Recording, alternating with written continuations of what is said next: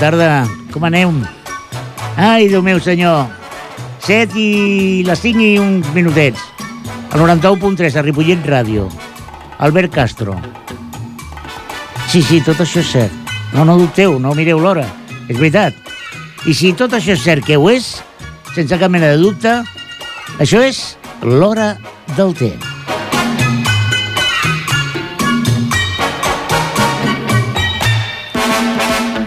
I un dijous més tenim un convidat... Eh, jo personalment estic eh, molt content de que hagi pogut venir perquè eh, en la prèvia que fem gairebé sempre de l'entrevista doncs eh, els convidats em pregunten però bueno, i jo per què?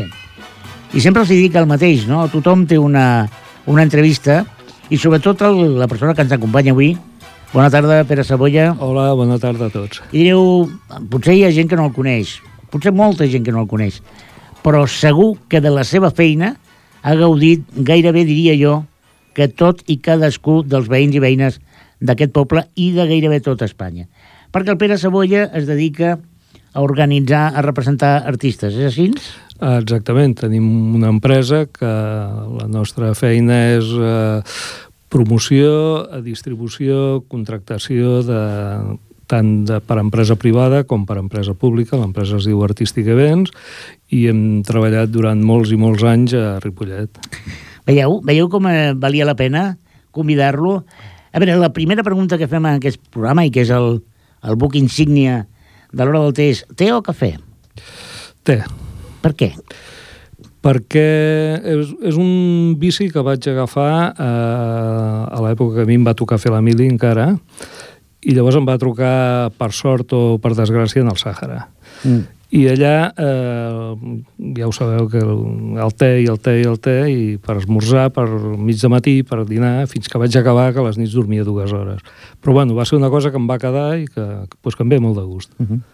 Bueno, un altre, un altre pel té, és a dir, anem igualant una mica les forces, tot i que encara guanya el cafè, t'ho he de dir, eh? Bueno, ja aniran caient. Dels convidats, sí, és veritat. Dels convidats va, encara, encara la majoria els compten per al cafè. A veure, el, el Pere què volia ser de petit? El Pere de, de, de petit... De petit què volia ser de, de petit, gran, vull dir? De petit volia ser bombero. Home. De petit volia ser bombero. El que passa que no, no hi vaig arribar, no?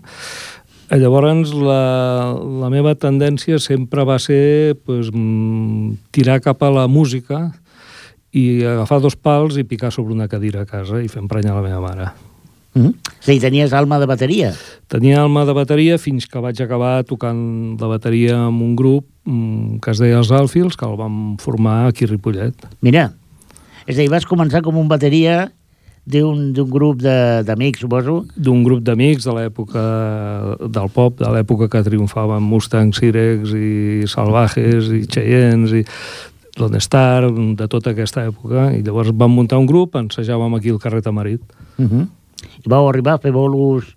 Vam arribar a fer bolos per la comarca. Caram! Per la comarca, eh? bueno, bueno, escolta tu, vull dir, molt bé, molt bé, molt bé.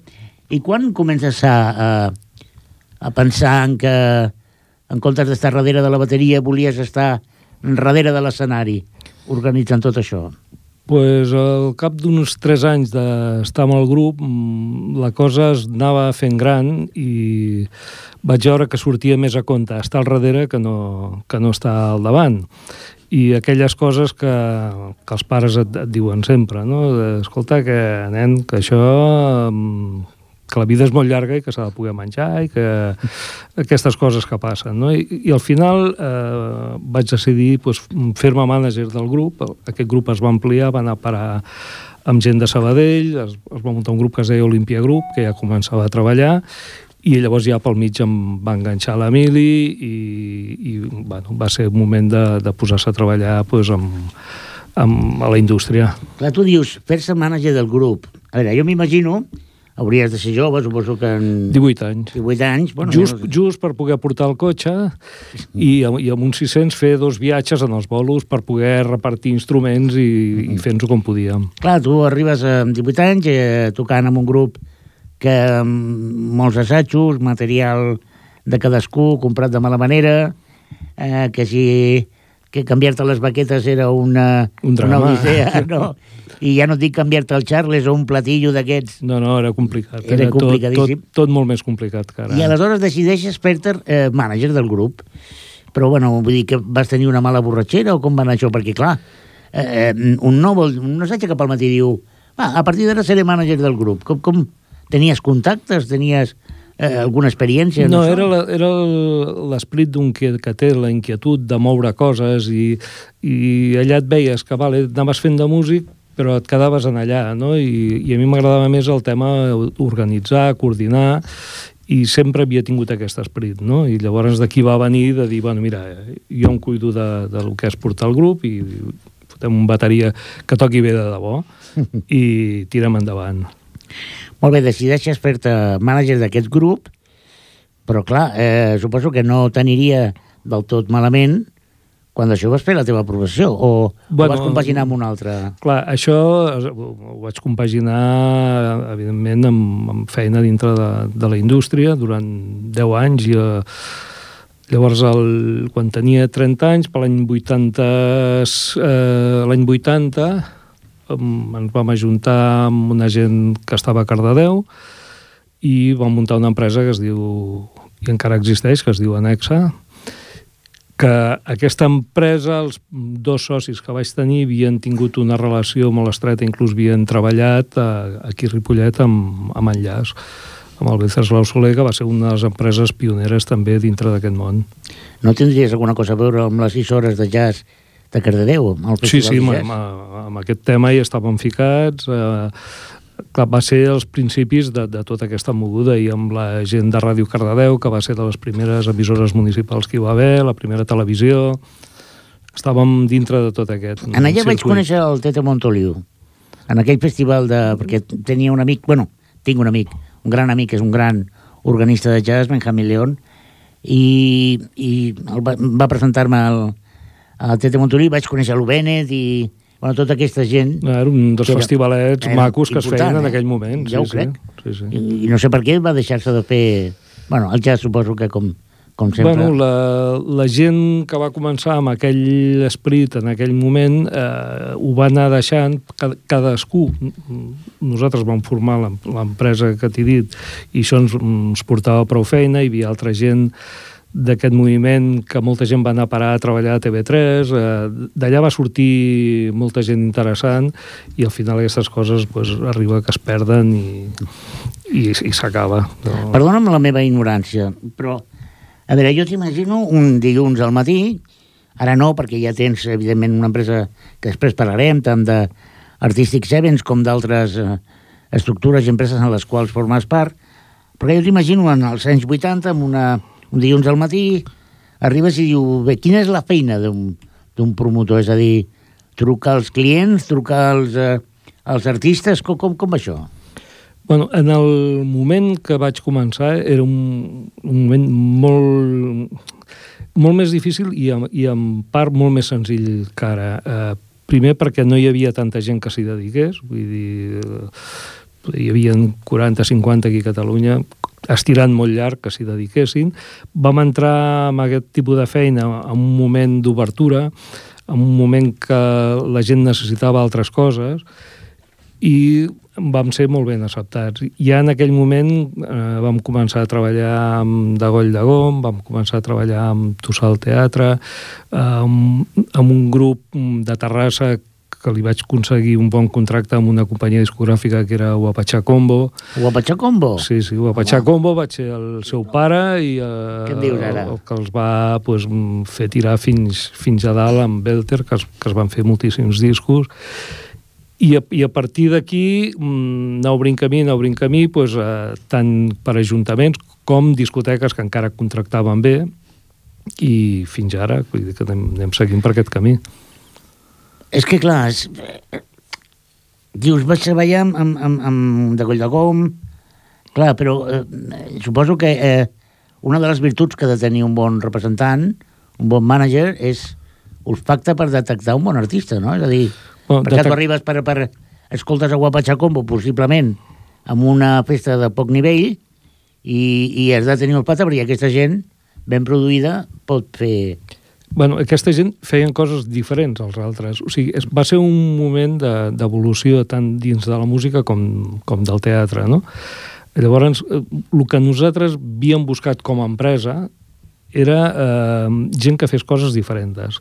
No anar al mateix circuit que hi havia amb tots els respectes del món, perquè a mi m'han respectat molt, i és una persona que havia treballat també molt aquí a Ripollet a la seva època, que era el Ricard Ardèvol, que era un senyor pues, que portava les companyies de revista i, i bueno, allò en aquells moments funcionava, però va ser quan va començar a, a decaure tot, tota aquesta història i a sortir companyies com, pues, com era el de Valldegom, com podia ser Comedians, com podia ser el Tricicle, tot això li va donar un canvi tant a les festes populars de, de tots els pobles que deien no, no, ja no volem la revista, volem això nou que porteu. Per això dic que per una banda era molt difícil d'entrar perquè érem una gent completament nova i molt jove perquè hi confiessin, i per una altra portàvem un tipus de, de producte eh, que era molt diferent i que era molt, molt atractiu per, per la gent.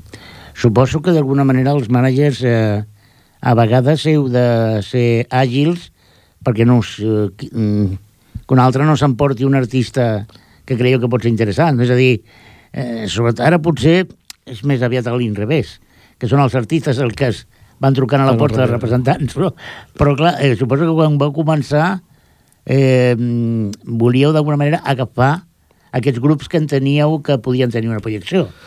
Havia d'anar ràpid, no? Perquè bueno, la portada no, no, hi havia, per exemple... No, no, no hi havia ningú amb, amb esperit novedors vull dir, vam ser tres socis que vam començar amb, amb aquestes companyies, no hi havia ningú més. Els, el, la gent que hi havia anteriorment a, a nosaltres era una altra fornada de gent completament diferent, amb unes altres idees, que no vol dir ni més bones ni més dolentes, el que passa que eh, van començar a quedar desfassats en aquell moment. Llavors, eh, el que trobes que t'has d'equivocar moltes vegades, has d'agafar molts grups que et creus que funcionaran i no funcionen. Llavors, bueno, és de un dels grups que vaig agafar com pioners també i que els van portar dels primers bolos que van fer com a l'última de la fila, eh, jo els mm -hmm. portava com a los burros i els van portar aquí a Ripollet un dels primers bolos com, com a último de la fila. I llavors aquests grups es fan grans, mm, creixen, es munten la seva estructura i se te'n van però mm, és la feina nostra, vull dir, eh, cada dia anar innovant, anar buscant, anar veient el que hi ha al mercat i intentar pues, estar equivocant-te o endevinant-la. Pere, quants anys portes en aquest ofici? En aquest ofici, 34 anys. Suficients Seguits. per conèixer el món aquest de la, del management i del, no, no, no, mai, mai, i qui digui el contrari jo crec que menteix, mai se'n sap prou. És un tipus de feina que cada dia descobreixes coses noves, cada dia el mercat està canviant contínuament, vull dir, d'anar amb, amb un tocadiscos, amb un disc rodó, amb un caset, eh, la tendència que hi ha avui dia, la gent amb les noves tecnologies, descarregar-se la música, les companyies discogràfiques que abans eren bueno, ens tornàvem bojos per, per una companyia discogràfica, avui en dia estan tancant, estan plegant, tot, tot el mercat ha canviat, vol dir que sempre tens que estar innovant i posant al dia, perquè és que, és que si no, és una feina que mai t'hi avorriries, mai, i mai en sabràs prou, perquè qui diu que d'aquí 5-10 anys tot això no hagi canviat? Sí, he d'estar una mica a la guai de quines les tendències de... Sí, la, la, la, cosa, la música no? sempre serà la música i el teatre serà teatre, però qui mou tot, tot aquest eh, tinglado i la manera de moure'l mm, canvia una velocitat tremenda. Qui decideix el tipus d'espectacle eh, que, ve, que veiem? És a dir, és el públic el que demana un tipus d'espectacle?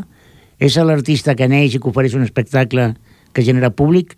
O sou vosaltres, d'alguna manera, els que controleu el circuit, des, en el bon sentit de la paraula, i que mm, poseu davant del públic propostes novedoses. Qui, qui, qui mana si ara és el Cafè Teatres i després el, és el, el, el, les variedades, com es deia abans, o...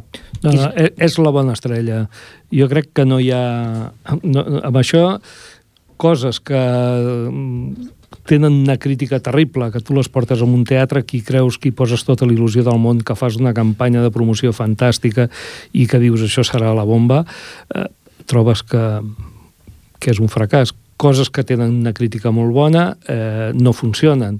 Mm, mai ho saps. Vull dir, per això t'he dit que, que mai en sabem prou, mai, mai. Cada dia aprenem i, i el mercat, mm, qui en definitiva mana és el públic. Mm -hmm. Tu, eh, després parlarem mm, de les empreses en les quals formes part i, i, de, i tornarem al circuit perquè hi ha coses que m'agradaria conèixer la teva opinió i, i sobretot l'opinió dels que tu representes, no? que és tot aquest enrenou de l'IVA, de cultura, de, el moment actual en el nostre país. No? Com està el moment que, sota el meu punt de vista, i és només el meu punt de vista, és un dels pitjors moments eh, com a protecció a la cultura que hem tingut mai. Fins i tot en l'època de la postguerra o de la preguerra, el, el paral·lelo era el paral·lelo. Ah, I la vella Dorita havia de barallar-se perquè ensenyava un pit i que no el veiés la Guàrdia Civil, però jo penso que fins i tot en aquelles èpoques encara estaven millor que ara. No? Mm, segurament. Estan, sembla que estiguin mm, fent a propòsit carregar-se el, el món cultural. Vull dir, el que han fet amb l'IVA o sigui, fer una puja d'un 13% eh, de cop vol dir que passar d'un 8 a un 21 quan la cultura tota, tant teatre com música, ja està gravat amb un 10% de l'ESGAE, que això vol dir que ens anem amb un 31 i avui dia la, per les noves tecnologies la gent ja no va fer cua als teatres compra a través dels sistemes de Ticketmaster, Servicaixa eh, això vol dir que se'ns emporten un 36, un 37, un 35% de, de, del preu que paga cada persona per aquella entrada. No? Llavors, la, la part que queda pel promotor de l'espectacle i la, la part que queda per l'artista cada dia és més petita i estem arribant a un, un moment insostenible. Clar, és que és, és difícil d'entendre, si m'ho permets. És molt difícil d'entendre que qui fa a l'espectacle, que qui el produeix, és a dir, qui aposta econòmicament per muntar tota l'estructura de l'espectacle, el qui treballa, en definitiva, sigui el que menys guanya del cos que paga el que va veure. És a dir, en realitat, el, el, el percentatge important del cost de la cultura no és ni per l'artista ni per al promotor i per al públic que el paga tampoc, és a dir, es queda una mica en terreny de ningú, no? Mm, no, no, bueno, ara en aquests moments qui s'emporta la part gran és Hisenda, és l'IVA. Vull dir, perquè si tu treus d'aquest 35% la part que va al productor i la part que va a l'artista eh, i ho divideixes, veuràs que, clar, aquesta part llavors s'ha de pagar la publicitat hi ha un personal dels teatres, hi ha, hi ha, hi ha tota una mà d'obra directa i indirecta molt gran. Vol dir que el, el, el pastís aquest, a l'hora de la veritat, s'està arribant a uns moments insostenibles. Amb, amb l'apartat de música, i aquí a Ripollet en, ens hi vam trobar per la festa major de l'any passat amb l'orquestra Volcán, no? Mm què es troben? Que el, el que cobrava l'orquestra més l'IVA, orquestes grans, no es poden mantenir. Els grups grans no, no poden perquè la contractació no dona per, per poder absorbir aquests costos. Els ajuntaments cada dia estan amb uns pressupostos més reduïts, els, cultura és allà on te van a tocar més, però, bueno, ja et dic, amb això l'únic que estan fent és destruir llocs de treball i carregar-se molta gent creativa que, que podria estar donant molt bons resultats. I, Pere, a Europa la cosa està igual que aquí? És a dir, l'IVA que es paga, per exemple, a Alemanya o a França o a, o a Anglaterra és igual que el de l'espanyol? No, L'IVA de la cultura d'Holanda crec que va ser, el havien apujat i ràpidament van rectificar, el van, el van abaixar i el, és el país, en aquests moments és el país més car de, del món, et diria, amb qüestió d'IVA a la cultura. Ens fa por la cultura, Pere? No, sembla que hi hagi... fa por al govern la cultura? Se, sembla que sí, que hi hagi una mà negra que digui eh, aquests pallacitos que, que pleguin tots ja i, i que es retirin. No, no, no sé el que pretenen. I sobretot després de la gala dels Goya, per exemple, no? Sí, que... sí, no, però és igual que se'ls dongui canya, que no se'ls dongui. Nosaltres hem tingut reunions a, a altes instàncies, en el, al Ministeri, explicant-los i ens diuen que sí, sí, que ho entenen perfectament, molt bones paraules, que miraran d'arreglar-ho, que estan en ello, que estamos en ello, però mm, seguim igual. És que, clar, molta gent... Eh, ens podem quedar amb la frivolitat de veure un artista damunt d'un escenari i ens pot agradar o no ens pot agradar el que fa, però no podem oblidar que darrere d'aquest artista hi ha tota una indústria, és a dir, des del que tu deies, no? des de els propis artistes, vestuari, il·luminació, maquillatge, manteniment, eh, personal auxiliar, eh, promoció, impremtes, eh, fins i tot Molt, vehicles de transport. Dir, una indústria terrible. És una indústria. Mira, a, a, a, dintre del, del transport, qualsevol gira d'un grup gran et mou companyies d'autocars, companyies, mm, camions, et, et, et mou serveis de càrrega i descàrrega, et, et mou gent de seguretat, empreses d'il·luminació, empreses de sonorització, empreses de backline, electricistes, generadors, mm, escenaris... Eh, clar, tot això eh, sembla que, que, que no se'n donguin compte de, de, del mal que estan fent i de la quantitat de gent que estan deixant a l'atur gravant a, la, a lo que és la cultura en lloc de potenciar-ho. Uh -huh. I t'asseguro que hi hauria molt, molt, molta menys gent a l'atur molta menys.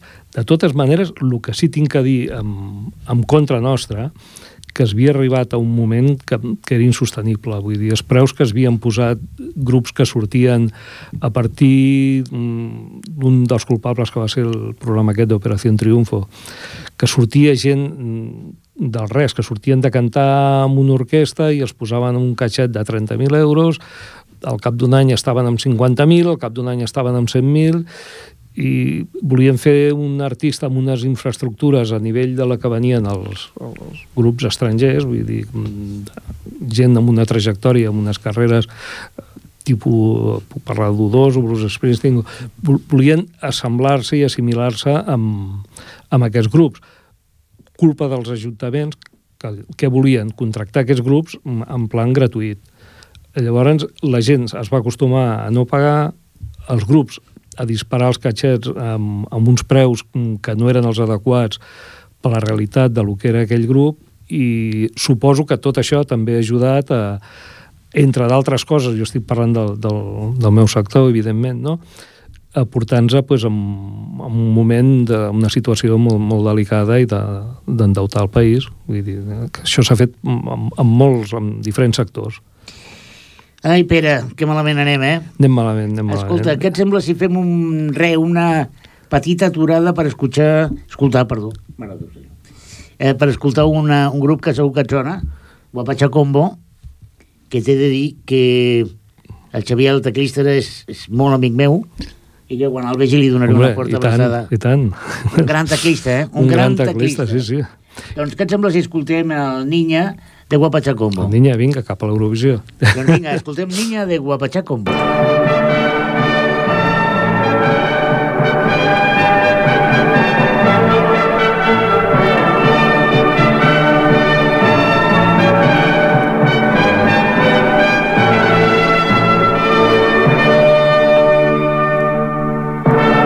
Señoras y señores, vamos a conectar con la red de Neurovisión para ofrecerles la retransmisión de la canción representante de Palafrugel, ganadora del festival del próximo año.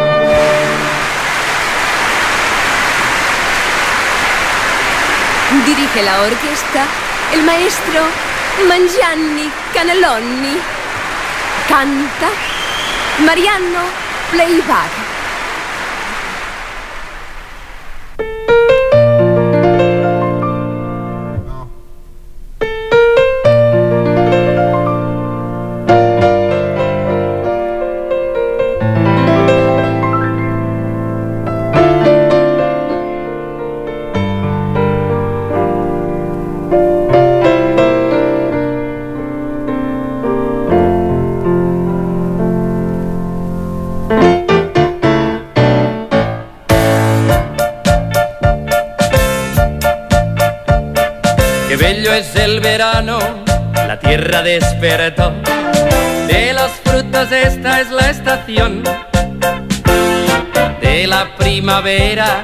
Los capullos son. Qué hermoso es el verano, el yeti se durmió y todo se viste de color. Los pajarillos cantan, las faldas se levantan y las mariposas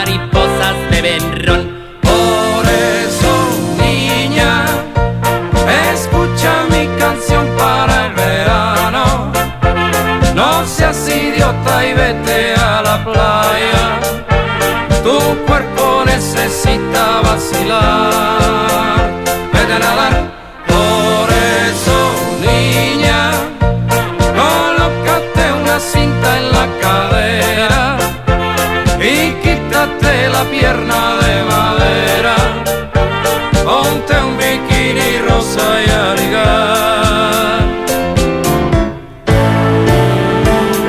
vacío boniatos, el otoño vendrá. Con un muerto te has de flagelar y el arroz con leche te habrás de tomar. Qué lindo aquel verano del 42. En el freno pático tú y yo, al lado del pisuerga, sentados en la hierba, solos con el río y el amor.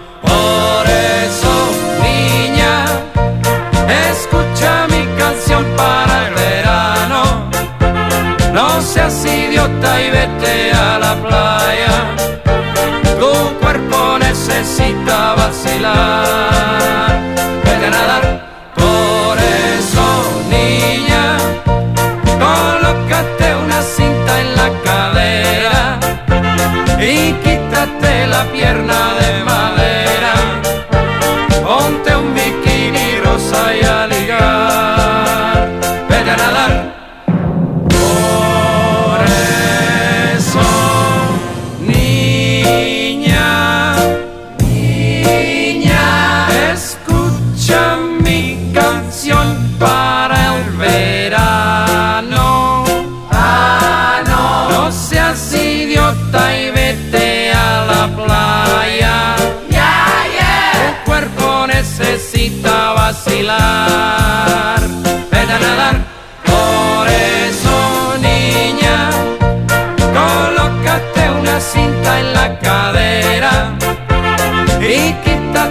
La pierna de madera. Ponte un bikini rosa y a ligar. Vete a nadar. Por eso, niña, escucha mi canción para el verano.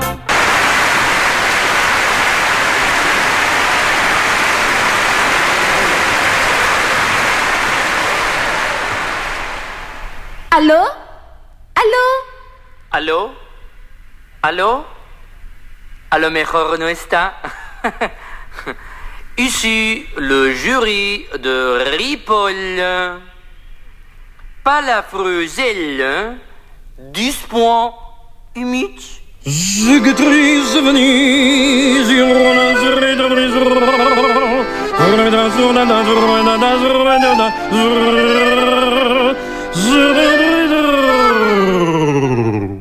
Al 91.3, Ripollet Ràdio, emissora municipal.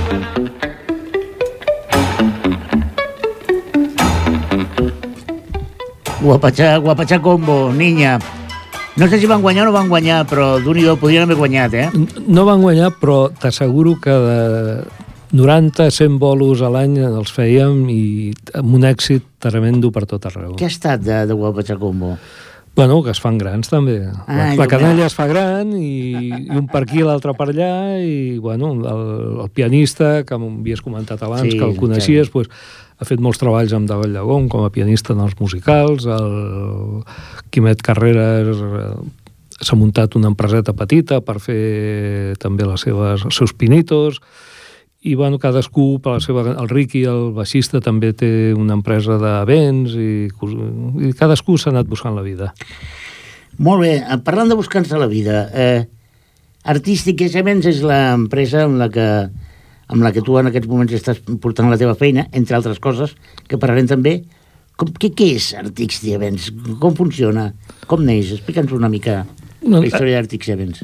Artístic Events neix del moment que jo ja després de 20 anys, més de 20 anys amb, amb Anexa, la societat aquesta, mm, els tres socis que érem, cadascú se'n va per un cantó i crea la, el, el seu circuit, no?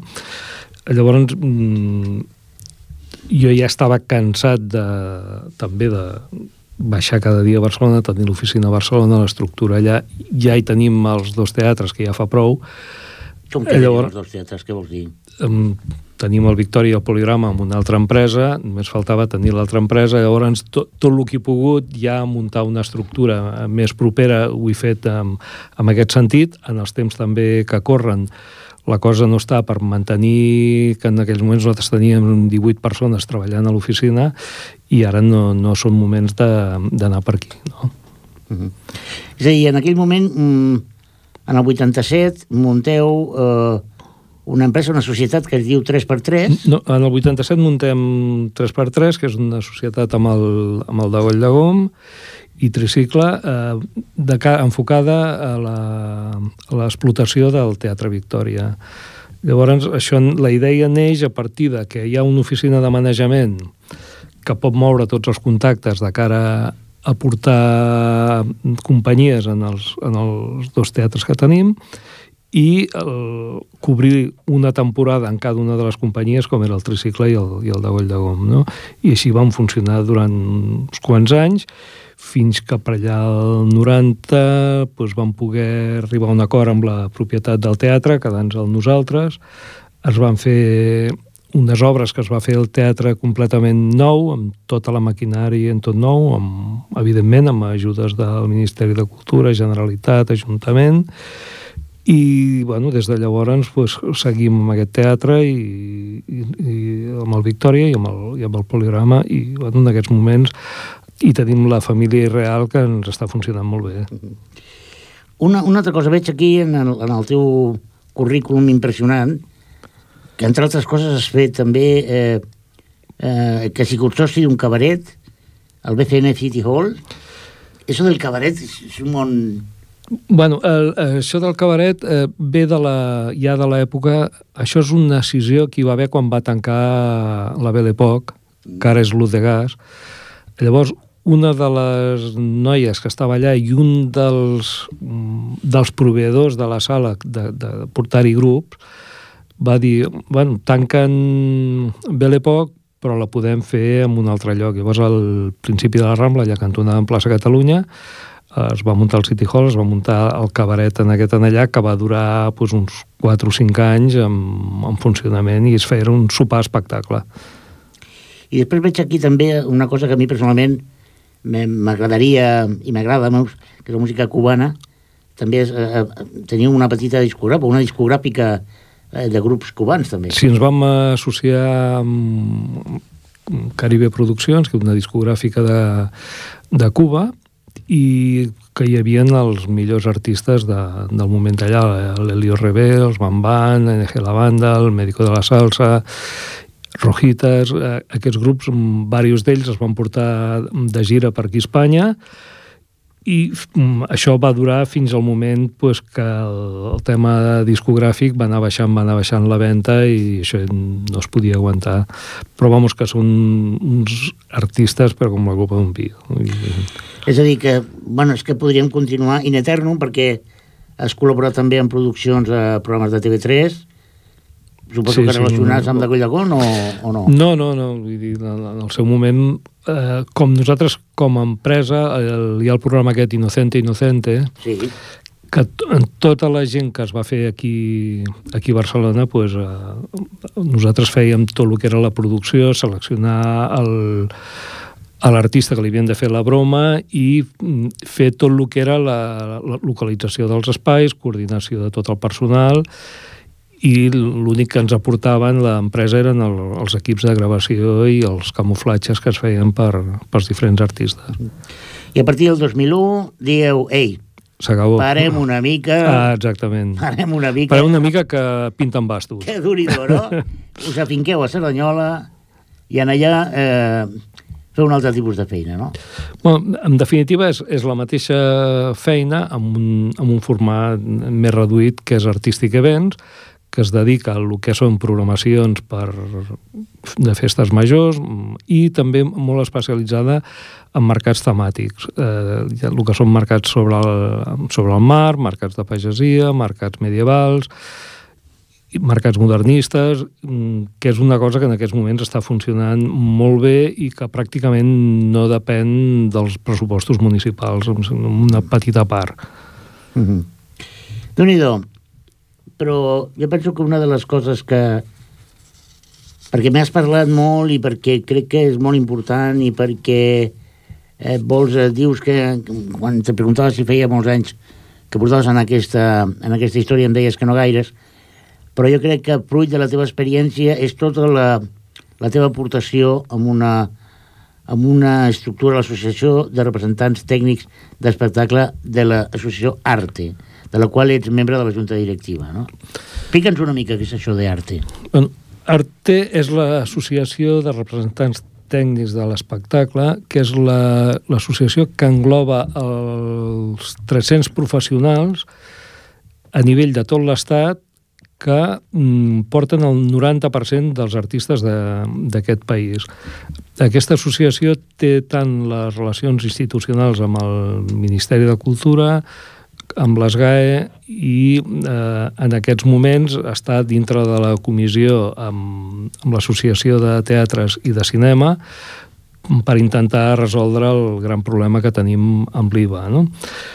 Arte eh, hi ha associats de totes les comunitats autònomes i el que s- serveix per almenys de, de cara a la gent que contracta tenir un filtre, tenir un- una informació a través d'una pàgina web o d'una gerència que hi ha a Madrid i per almenys la gent que vol contractar un artista sap on dirigir-se i mm, sap que té unes garanties de que la gent qui treballarà pues, són gent professionals i no passin casos com el que va passar del Madrid Arena Mm. a, a Madrid, que hi va haver un desastre allà per culpa de gent que realment no és professional, que es pensen que és ficar gent a dintre un local, cobrar una entrada i que tot s'hi val, no?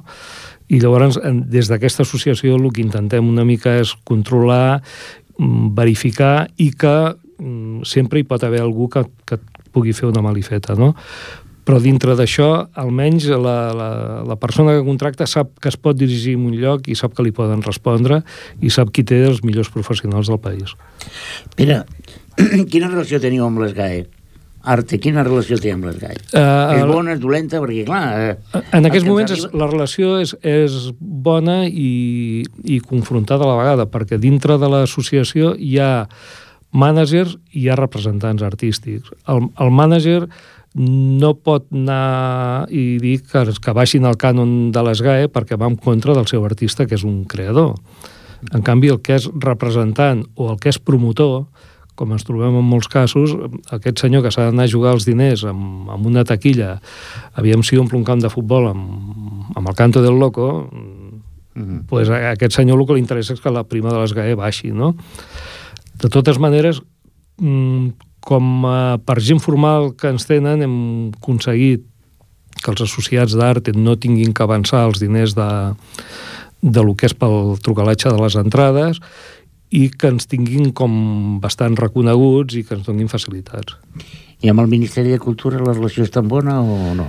Amb el Ministeri de Cultura, amb, des que hi ha el senyor Bert Famós, eh, de mal en pitjor, i a més a, a totes les editorials que podem, perquè des de l'associació hi ha una revista que es diu Escenarios, els hi donem tota la canya que es pot, i, i estem a sobre d'ells perquè només l'únic que estan fent és posar pals a les rodes. Ah, últimament eh, el món dels, dels artistes ha estat una mica mogudet, mogudet, amb, com dèiem abans, amb la gala dels Goya, es posa una altra vegada de manifest que el món artístic és una mica, eh, com a mínim, gent inquieta, gent desperta, gent preocupada pel que passa al seu país. Bueno, això molesta. Això, es- això es veu que molesta i llavors mm, ens putegen per allà on volen. Fins i tot arriben a dir que, clar, que pertenecen a la izquierda re Sí, sí, es veu que sí. Que... Jo penso que, que la veritat té un camí només. Mm, I si pugen a l'IVA el que han pujat, és normal que algú protesti, no? crec que, que protesten tots, de tots cantons. Jo No? sí, no? La gent prou dificultats té per, per arribar al cap de setmana com perquè li compliquin la vida amb altres coses. El que està clar és que Arte, a banda de barallar-se amb el, amb el Ministeri de Cultura, com d'altres sectors, eh, també fa, fa coses i, i coses molt, molt interessants i concretament una... Eh, recentment han, han mort dues, eh, dos artistes molt, molt renom i un d'ells és Tony Ronald. Tony Ronald, mm, potser molts joves no, no els hi sonarà gaire, però els que tenim una edat, el Help El help és la, el la Help, bandera. Jo, jo penso que el Help, tothom, tothom del món ho ha ballat, ho ha escoltat, ho ha, eh, ho ha sentit, el Help del Tony Ronald. Eh, que fa, ha mort res, el 3 de marzo. Explica'm una mica què és el que esteu fent al voltant d'aquesta figura. Bueno, el, des de fa dues setmanes exactament en el programa de la Teresa Campos el diumenge a la tarda pues, se li va fer un homenatge i eh, des d'Arte hi ha un, una figura de, re, de reconeixement que es dona a, a tots els artistes per la seva trajectòria. Llavors, hi havia previst un homenatge el dia 19 de març, aquest diumenge de, passat se'ls va, se li va entregar el reconeixement, comptant muntar-li aquesta festa i que ell pogués assistir-hi. Desgraciadament... Eh, No es va arribar a temps. No es va arribar a temps i eh, se li va poder sí, fer, donar en mà el, el reconeixement i aquest dia 19 a la sala Luz de Gas es farà un, una festa homenatge també per recaptar fons per a la família perquè eh, ha deixat dos nanos petits que no estan edat de treballar, en té dos de més grans que ja, que ja campen pel seu compte, però dos estan amb la seva mare i, i també doncs, necessita una ajuda no?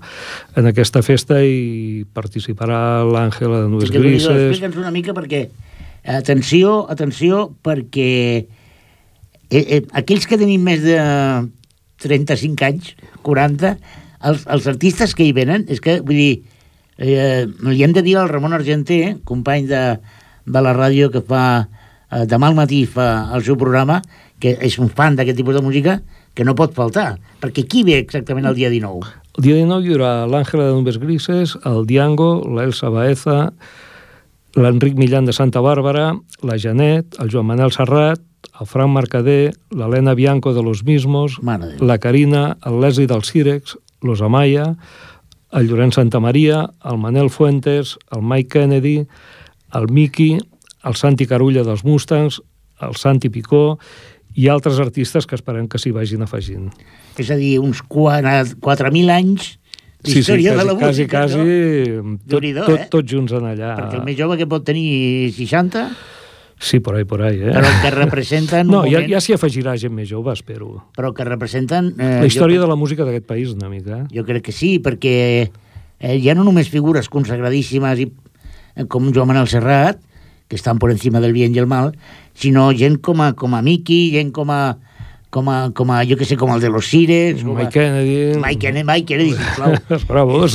encara es mou Mike Kennedy, Encara, encara. ha de tenir un munt d'anys, eh? Sí, sí, però el tio ja està, eh? No, no, és- va fent els seus bolillos. És espectacular que hi hagi... Jo penso que el món de l'art, els artistes de debò, tenen aquesta sensibilitat que quan Que, algun que no, company... no moren mai. Veritat, i que quan algun company eh, té necessitats o, o deixa una família, Tots estan allà. estan allà donant Tots el estan call, allà no? i els artistes d'aquesta època eren més una pinya que ara. Ara inclús ens trobem de vegades en fer col·laboracions entre artistes i sembla que siguin una mica més elitistes, no? I, i abans l'esperit aquest de col·laboració era, era molt més fàcil que no pas ara. Eh? Hi ha com una sèrie d'interessos que no saps per què, que és tonteria, i no, jo amb aquest, no, jo amb aquest... Sí que hi va haver en el seu moment la, el seu pic entre Cirex i Mustangs, Mustang, sí, sí. però ara són la mar d'amics i fan bolos junts, vamos, eh, l'un s'aguanta amb l'altre. Pere, ara que gairebé no ens escolta ningú, tot i que a través de ripolletradio.cat ens poden escoltar arreu del món, i tot i que el diumenge a les 5 es repeteix el programa, eh, escolta, hi ha músics que són una mica capritxosos. És a dir, jo per qüestions que no venen al cas he tingut ocasió de veure alguns contractes, és a dir, on el catering que exigeixen a vegades hi ha coses una mica rares. Vergonyós. Eh, tu, que, podries explicar alguna anècdota d'aquest tipus perquè la gent sàpiga, per, per exemple, que hi havia grups que demanaven una determinada marca de whisky o, Oh, això és el de menys. o tovalloles eh, netes sense Això és estrenar, el de menys, amb que- una rentada o... No, no, això és el de menys. És que n'hi ha que demanaven que volien que li pintessis el camerino de tal color.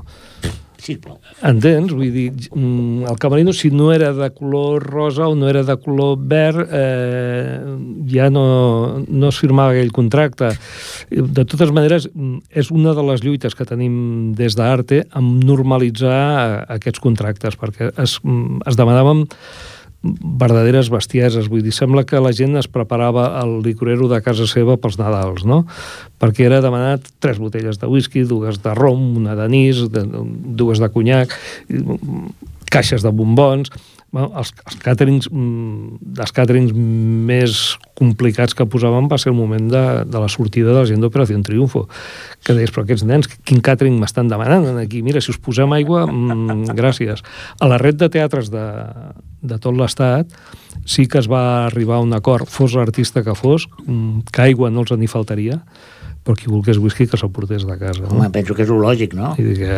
De fet, hi havia, hi havia un grup que demanava la Casitos, Sí, sí, de, de no, colors no. concrets, Sí, sí, sí. perquè deien que, clar, que si no, si hi havia colors que no havien demanat, volia dir que qualsevol cosa era possible. Tun, què sé. tun, tonteries d'aquestes, les que vulguis. Escolta, alguna anècdota que, que t'hagi passat amb algun artista a micròfono cerrado em, em parlaves de anècdotes amb el Pepe Rubianes i amb el Pauloski Bueno, amb, amb, amb el Pepe, amb, amb el seu moment, amb el Pepe Rubianes, el ser artistes innovadors i molt transgressors amb la seva feina, havien portat mm, per terres de Lleida el Pepe Rubianes el, amb el, el duo, Pepe Rubianes i Cristalem. Eh, van haver de sortir de l'embalat d'allà pues, escoltats per la Guàrdia Civil i la gent tirant-los i pedres al darrere perquè no entenien res del que estava fent aquella gent, no? Et puc dir un altre poble que era a Serós, a Lleida, també, amb el Pavlovski.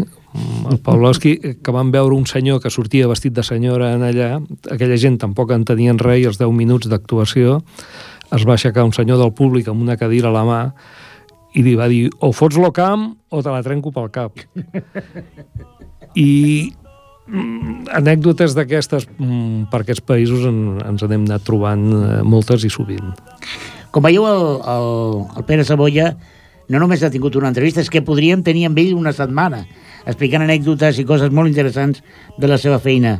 Pere, moltíssimes gràcies. A vosaltres ja ho sabeu, a vostra disposició. Doncs eh, el tornarem a cridar, eh, que ho sàpigues. Clar que sí, el que faci falta. I si mai tens algun espectacle que promocionar, aqu- aquesta és casa teva, i molt de gust eh, farem ressò de tot el que, el que facis, que segur que és molt interessant. Pues us passarem cosetes. I tant que sí. Toni Miralles, que ha estat el tècnic accidental d'avui. No ho has fet malament, eh, nano? Es nota que portes, res, dos o tres dies fent això. No, moltes gràcies, ha estat fantàstic. Toni Miralles, el tècnic accidental d'avui. Escolteu, que ens quedem sense temps. De fons estem escoltant a Tony Ronald, el cap de Tony Ronald, amb el qual direm adeu. A ripolletradio.cat, descarregueu aquest programa, aquest i qualsevol altre. Portem més de 100.000, més de 100.000, iaia. Poca broma. Tornem al proper dijous. Passades un minutet de les 5. Al 91.3, a Ripollet Ràdio. A l'hora del té. ahora cambié, un gran bien. Somos amigos desde niñez y por eso te pido, ayúdame esta noche contigo. Voy a salir, ley de este mundo me quiero sentir. El olvidarme de aquel fracaso, de aquel fracaso.